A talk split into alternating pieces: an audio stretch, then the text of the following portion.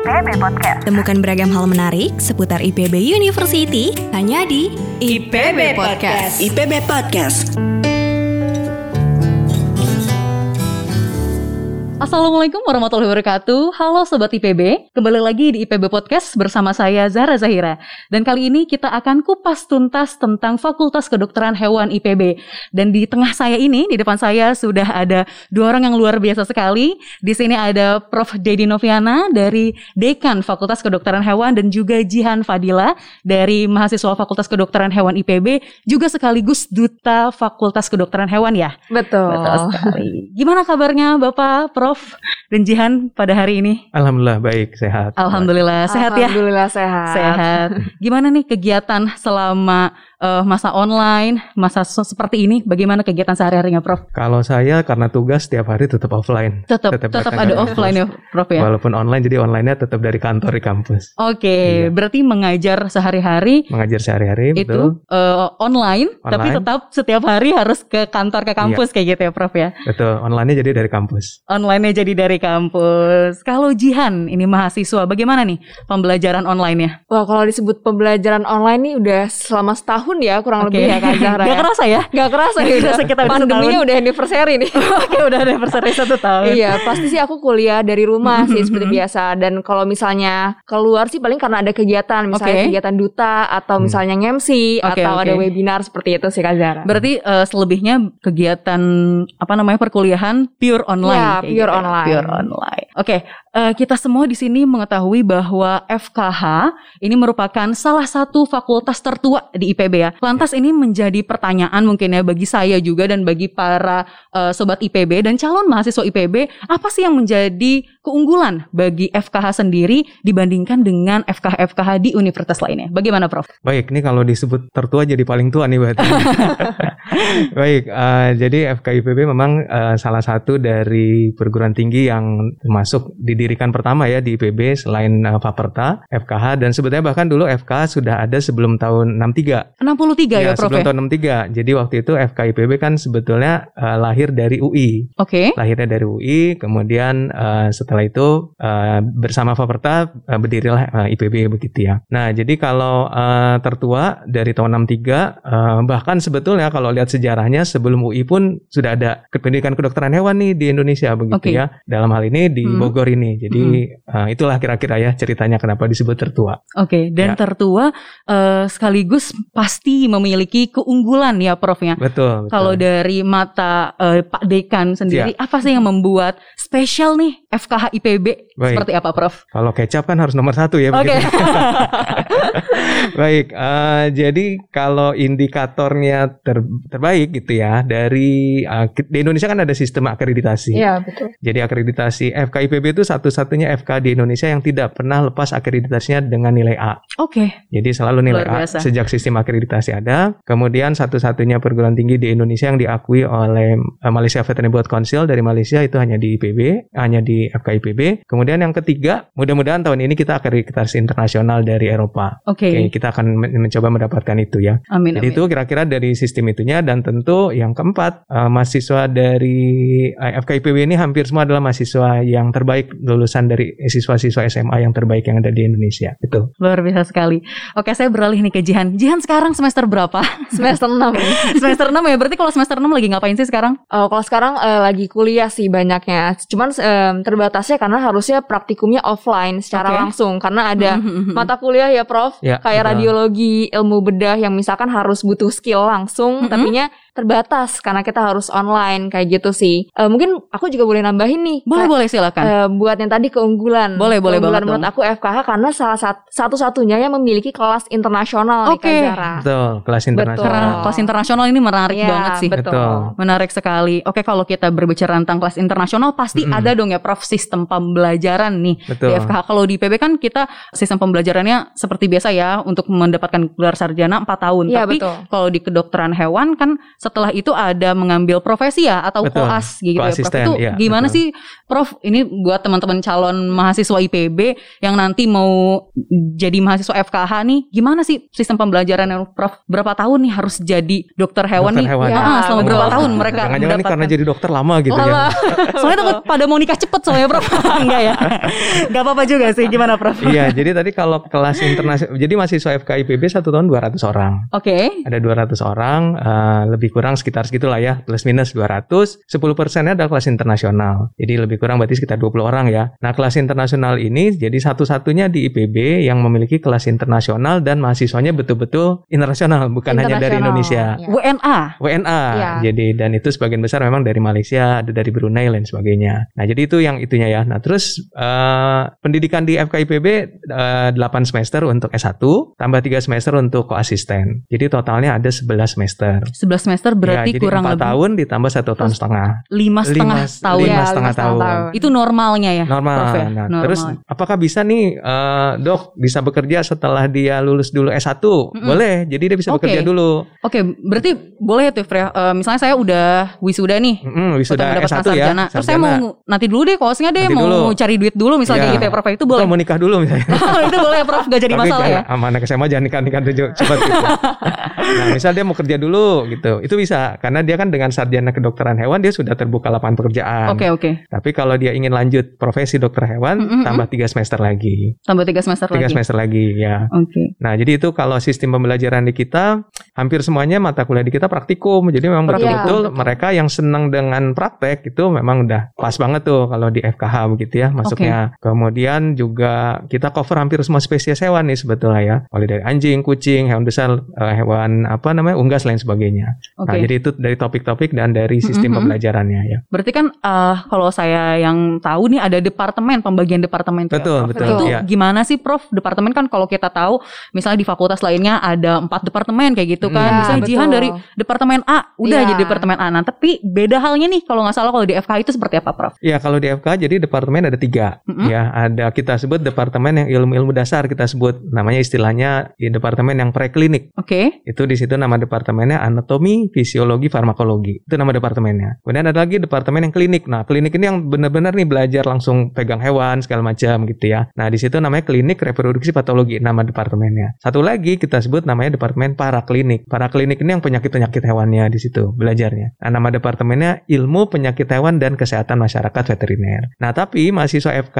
IPB itu tidak bisa belajarnya hanya mau saya mau belajar ilmu dasar. Saya hanya Iya. mau belajar ilmu klinik. Itu nggak Milih bisa. satu aja tuh Nggak bisa. Prof. Iya, nggak bisa Jadi, dibagi-bagi. nggak bisa Oke. Dibagi-bagi. Jadi walaupun di FKIPB ini ada tiga departemen, Oke. tapi mahasiswanya harus belajar ketiga semuanya. Ketiga semuanya. Iya. Berarti itu sebetulnya itu. cuman pembagian, Pembagian keilmuannya keilmuan. saja Betul, ya Prof Pembagian ya. keilmuan saja. Oke. Ya seperti Jihan Baik. kan tidak disebut mahasiswa departemen apa kan? Iya. Mahasiswa departemen mahasiswa FKH begitu. Oke, Iya. berarti intinya dari tiga departemen tersebut selama empat tahun dia untuk mengge- mendapatkan gelar sarjana, ya mereka akan mendapatkan tiga keilmuan tersebut gitu betul, ya Prof ya. betul. Kurang lebih betul. seperti itu. Iya. Prof tadi eh, kan Prof bilang nih kalau di FKH itu apa namanya kebanyakan praktikum kayak gitu betul, ya Prof ya. Betul. Kalau praktikum, nah ini fasilitas yang tersedia untuk memenuhi para mahasiswa belajar seperti apa Prof ada di FKH? Oke, jadi eh, kita sebut namanya istilahnya wahana pendidikan ya. Jadi Wahana. wahana, Wahana. pendidikan. Jadi, Jadi seru ya. Seru.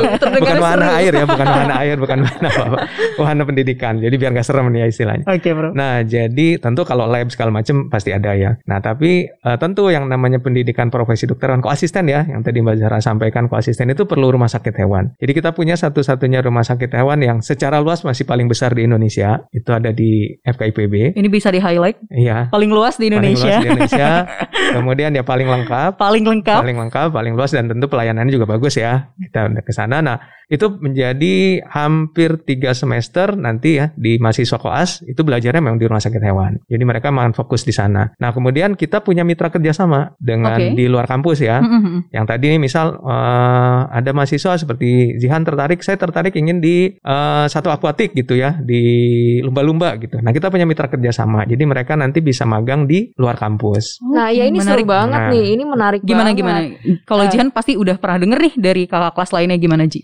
Iya mungkin kalau aku mungkin karena aku masih sarjana ya masih semester 6 nih Hmm. Aku mungkin akan membahas tentang himpronya nih Kak Zara Oke, kalau tadi kan kita berbicara tentang departemen. Betul. Sekarang beda lagi nih. Beda lagi Himpro, himpro tuh apa tuh? Himpunan profesi Himpunan profesi baik. Betul. Apakah Jadi- itu? Jadi dibagi jadi empat kalau di FKH Yang pertama itu ada HKSA Atau Mhm. hewan kesayangan dan satwa akuatik eksotik Mm-mm. Terus ada ruminansia Ruminansia. Ornitologi Mm-mm. Dan satu lagi satwa liar Satwa liar. Iya, oke. jadi kalau misalkan mungkin anak-anak teman-teman SMA juga suka bingung ya, karena kan hewan banyak sekali gitu, dan aku harus eh, di, di sebelah mana gitu, harus yang mana, aku suka yang mana, dan itu tuh kita bisa milih sendiri mau himpro yang mana kayak gitu. Dan yang aku senengin adalah di himpro ini kita difasilitaskan untuk kita bisa magang ya, Prof Betul. ya. Iya. Betul. Jadi karena sekarang mungkin lagi COVID, lagi Oke. online, jadi memang belum ada magang ya, Prof ya. Tapi biasanya setiap tahun itu ada magangnya, jadi magangnya. Heeh, jadi Oke. seru saat banget. libur gitu ya. Betul, Pada saat, libur. Jadi semester. Itu pas gitu semester berapa tuh, Prof? Nggak ada batasan. Nggak Oh, jadi nggak ada batasan. batas. Iya, Berarti betul. kalau misalnya saya masih semester 4 kayak boleh, gitu. ya, boleh. Boleh. boleh. Iya. Oh, ini boleh. menarik banget loh. Ini saya Boleh. baru tahu juga dan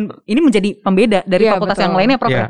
Oke, menarik banget. Berarti kalau himpro itu balik lagi ke peminatan betul. masing-masing mahasiswa gitu ya, Iya. Prof ya. Tapi bisa jadi misal nih ada mahasiswa yang dia tertariknya di hewan kecil, Mm-mm. tapi dia ingin magang di sapi perah gitu. Itu boleh, boleh. tidak masalah. Tidak masalah. Oke. Jadi dia boleh magang di uh, keempat himpro tersebut nggak Iya. masalah. Oh, Tapi dia masalah, Prof. keanggotaannya dia hanya satu himpro, begitu kan ya? Iya, begitu, Ya. Prof. Oh, berarti eh, ibaratnya himpro itu dia ada pengurusnya masing-masing seperti Betul. Iya, betul. iya. Oke, baik, baik. Kalau Jihan, minatnya apa nih himbronya Aku nih? minatnya di HKSA, di hewan kesayangan satu akuatik eksotik nih, Kak. Itu apa tuh hewan-hewan apa aja? Biasanya kayak anjing, kucing, kuda juga termasuk ya, Prof ya? Termasuk. Kuda, Oke. banyak kelinci kayak gitu, Kak. Oke, oke.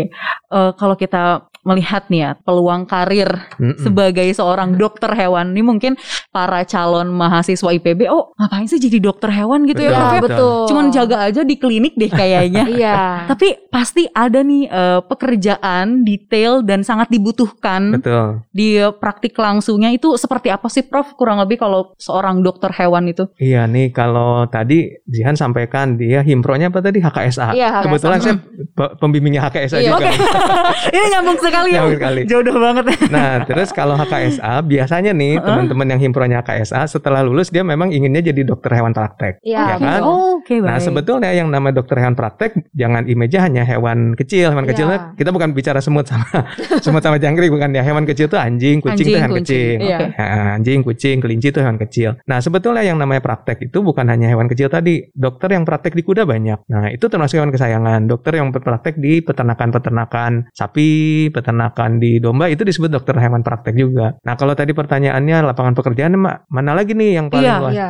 Nah, kalau Betul. sempat saya tanya nih misal ke uh, semua nih uh, anak-anak mahasiswa atau adik-adik mahasiswa nih yang akan masuk saya tanya nomor satu kita nih kalau makan dalam seminggu pasti kan makan ayam betul Iya, ya betul. Pasti. kita pasti makan ayam kan pasti kan Uh, kita kemungkinan pasti makan ikan makan daging nah siapa yang menjamin bahwa daging ayam daging ikan itu aman sampai di meja makannya kita semua itu adalah dokter hewan Oke, itu aja yang paling sederhana ya kita lihat di situ menarik sekali. Iya, Ya, betul. Jadi Luar berarti biasa. dokter hewan itu ada yang kerja di peternakan Mhm. ayam, ada yang kerja di peternakan sapi. Jadi dia kerjanya dari A sampai dengan Z, dari hulu sampai hilir kan, dari mulai peternakan sampai dengan di hilirnya kan. Di hilirnya itu ya contohnya misal dia kerjanya di perusahaan pengolahan pakan dan sebagainya kan, perusahaan pengolahan makanan. Nah, terus ada lagi contoh nih, misal ada mungkin ya sekarang lagi rame nih eh, impor eh, beras. Sebelumnya Oke. kan impor daging begitu ya. Hmm, Iya. Betul, Prof. Nah, siapa yang bisa menjamin memastikan bahwa daging yang diimpor masuk ke Indonesia itu aman? Itu Ya, dokter hewan. dokter hewan. Contohnya aja ya. Siapa yang membolehkan sapi itu masuk ke negara kita? Itu dokter, hewan.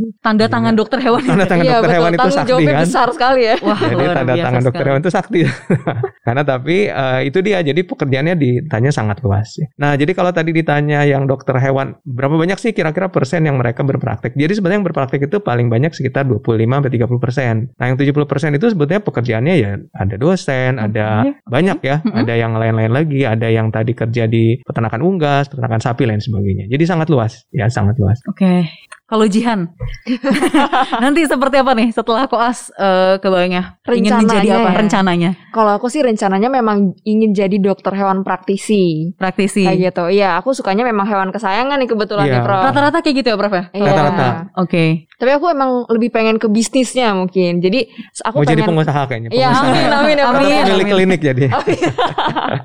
ya mungkin aku lebih pengen ke bisnisnya kayak kalau misalkan di Bandung mungkin Prof melihat Iya. pernah lihat rumah guguk kayak gitu. Oke. Jadi itu seru guguk. jadi kayak wisata gitu loh sambil wisata juga Hmm. bisa main sama hewan kesayangan bisa sambil makan juga kayak gitu itu menarik sih menurut Betul. saya tapi itu baru rencananya ya Prof ya Iya. Amin amin. Kita Amin, doain ya didoakan. sobat IPB. amin amin amin amin. Oke Prof kalau misalnya para mahasiswa koas nih ya, Betul. itu kan eh, berarti tiga semester. Nah sebetulnya mereka setelah eh, mendapatkan gelar Mhm. jadi dokter hewan, apakah mereka dijamin akan langsung mendapatkan pekerjaan? Nah ini dia Waduh. Berat ya berat yang menjamin ini kan yang menciptakan kita nih. Iya. Tapi kalau ditanya, eh, jadi saya sampaikan fakta aja ya. Fakta. Ada ya. Jadi tadi setelah mereka lulus 8 semester kan mereka gelarnya SKH, Sarjana Kedokteran Hewan. Sarjana Ya, kedokteran hewan. pekerjaan mereka juga udah luas di sana ya Eh, di lembaga-lembaga penelitian lain sebagainya udah bisa bekerja di sana. Setelah itu mereka tiga semester kan ya, Mbak Zara. Setelah tiga semester gelarnya jadi dokter hewan. Jadi SKH-nya dicopot aja, jadi kan gelarnya udah jadi Oke, dokter hewan. iya Nah, eh, ini disampaikan aja. Jadi FK di Indonesia ini kan hanya 11 di seluruh Indonesia. Sebelas. Hanya ada 11 di seluruh Hanya Indonesia ya. Wow. Di Sumatera hanya ada satu Syah Kuala. Di Pulau Jawa agak rame nih ya. Ada Gajah Mada, ada Unair, ada IPB. Nah dari 11 itu rata-rata kita nih menghasilkan hanya sekitar 100 ma- lulusan per tahun untuk. eh, tapi kalau IPB 200 orang ya. Tapi da- eh, rata-rataan dari seluruh FKH di Indonesia itu hanya menghasilkan sekitar 1100 sampai dengan 1300 per tahun per tahun. tahun. Per tahun. Padahal yang diperlukan dokter hewan setahun itu sekitar 5000 Wow. Jadi artinya dalam setahun itu kan selalu Selalu kurang. selalu sebetulnya, kurang, Prof. Iya, selalu betul. kurang. Jadi eh, karena memang mendidik seorang dokter hewan itu sama dengan mendidik seorang yang berprofesi dokter sebetulnya. Jadi memang tidak bisa banyak jumlahnya. Eh, Kadang-kadang kalau kuliah bisa bareng-bareng banyak, tapi kalau Oke. praktikum itu kan terbatas tempat lain sebagainya. Nah jadi kalau ditanya peluang dia bekerja sangat besar, begitu ya? Kira-kira begitu. Nah terus kemudian eh, berikutnya lagi kalau ini da- fakta juga yang ada di kita ya. Nah mahasiswa kita yang dimasuk semester 3 di PPDH pada saat mau ujian akhir sebagian besar udah pada kerja. Jadi sebenarnya Ujian mereka akhir ujian akhir untuk dokter Asisten hewan. ya? Iya, Oh, Pak iya, asisten. betul. Jadi artinya sebelum mereka lulus memang udah pada punya pekerjaan semua. Wah, luar biasa. Ya, jadi kira jarang sih kayaknya dokter hewan yang nganggur kecuali nunggu mau mencari yang terbaik lagi begitu Oke. kira-kira ya. atau mencari pasangan kira-kira.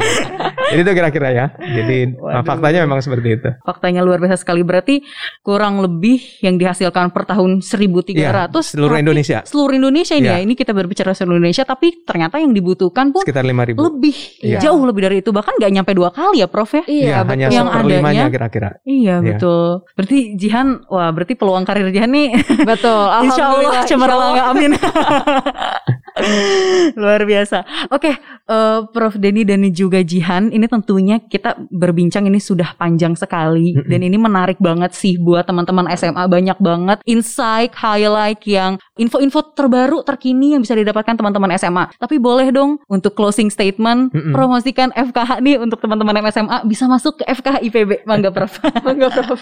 Baik, eh, jadi gini, nomor satu tentu dari eh, apa? Ini ada satu lagi informasi terbaru. Jadi kalau di Amerika ini ada America Veterinary Medical Association namanya AFMA ya. Di AFMA itu FKIPB sat- eh, termasuk salah satu FK di Amerika yang diakui dan di listed ada di sana. Wow. Wow. Jadi itu Tepuk tangan dulu. nomor satu. itu yang pertama. Jadi listednya ada di situ. Jadi kalau dari orang dari Amerika ingin exchange student atau ingin lain sebagainya, pasti mereka carinya di listed apa itu. Jadi dari situ kita udah beberapa kali dikontak oleh mahasiswa dari US, mereka ingin magang di kita karena berarti sudah di di sana ya. Yang kedua mudah-mudahan tahun ini kita akreditasi internasional Eropa. Amin. Artinya, artinya berarti mas eh, kurikulum kita diakui secara internasional, tentunya kan, dan tentunya akan mempermudah lagi lulusan yang tadi saja sudah cari kerjanya mudah begitu ya. Sekarang kalau di Indonesia saja sudah mudah, apalagi apalagi tanpa akreditasi internasional Eropa tentu mereka bisa juga leluasa nanti kan keluar. Betul. Dan akreditasi Eropa itu bukan hanya berlaku di Eropa tapi Australia juga mengakui akreditasi Eropa, tentu Asia juga. Jadi walaupun levelnya Eropa tapi pasti Australia, Asia bahkan Amerika juga mengakui. Jadi artinya terbuka lebih Lebih mudah untuk Lebih go mudah. internasional. Go Iya, internasional. Betul. Jadi intinya mohon doanya semoga Amin, amin, itu amin. Dan yang bersama. ketiga tentu mengajak semua mahasiswa eh, calon-calon nih putra putri terbaik eh, SMA yang ada di seluruh Indonesia ya eh, untuk mendaftar ke FKIPB kuotanya 200 orang yang saat ini yang paling banyak nih memang perempuan nih Mbak Zahra. Jadi kita sebetulnya sangat mengharapkan pria nih mendaftar ke FKIPB. Jadi memang kalau dipilih, kalau dipilih ini eh, secara prestasi yang perempuan lebih banyak nih memang ya. Tapi karena kita mempertahankan keseimbangan para laki-laki ini peluangnya lebih besar sebenarnya daripada perempuan. Fun karena fact. kita ingin karena ya. kita ingin mempertahankan rasionya. Oke. Iya betul. Ya, jadi saat ini posisi perempuannya atau mahasiswinya itu 65-35. Jadi Oke. 65 adalah wanita, 35 persennya pria. Tapi Oke. kita kan sebetulnya lebih baiknya minimalnya 60-40 sekitar gitu ya. Nah itu kira-kira mudah-mudahan eh, para siswa, bukan siswi, tapi siswi tentu juga ya, tetap semangat. Demikian Mbak. Oke, luar biasa sekali. Jihan Fadilah, Aduh bagaimana udah nih? Abis semua ya kayaknya closing statementnya udah full package nih sama Iya. Prof Denny. Mungkin kalau dari aku nih buat teman-teman eh, adik-adik SMA buat calon mahasiswa mahasiswi yang ingin eh, masuk di IPB University jangan ragu lagi karena Fakultas Kedokteran Hewan di IPB adalah Fakultas Kedokteran Hewan yang tertua dan terbaik di Indonesia. Cukup sih kayaknya dari Cukup ya, Cukup. tertua dan terbaik. Betul. Saya setuju banget sih. Oke, baik. Boleh tepuk tangan dulu untuk kita semua. Terima kasih. Dan sudah panjang sekali nih ya ngobrol kita bersama kedua narasumber kita yang luar biasa. Dan jangan lupa pokoknya pilih FKH IPB di pilihan kamu. Dan ayo masuk IPB. Sekian dari saya Zara Zahira. Wassalamualaikum warahmatullahi wabarakatuh. Ragam hal menarik seputar IPB University hanya di IPB Podcast. IPB Podcast.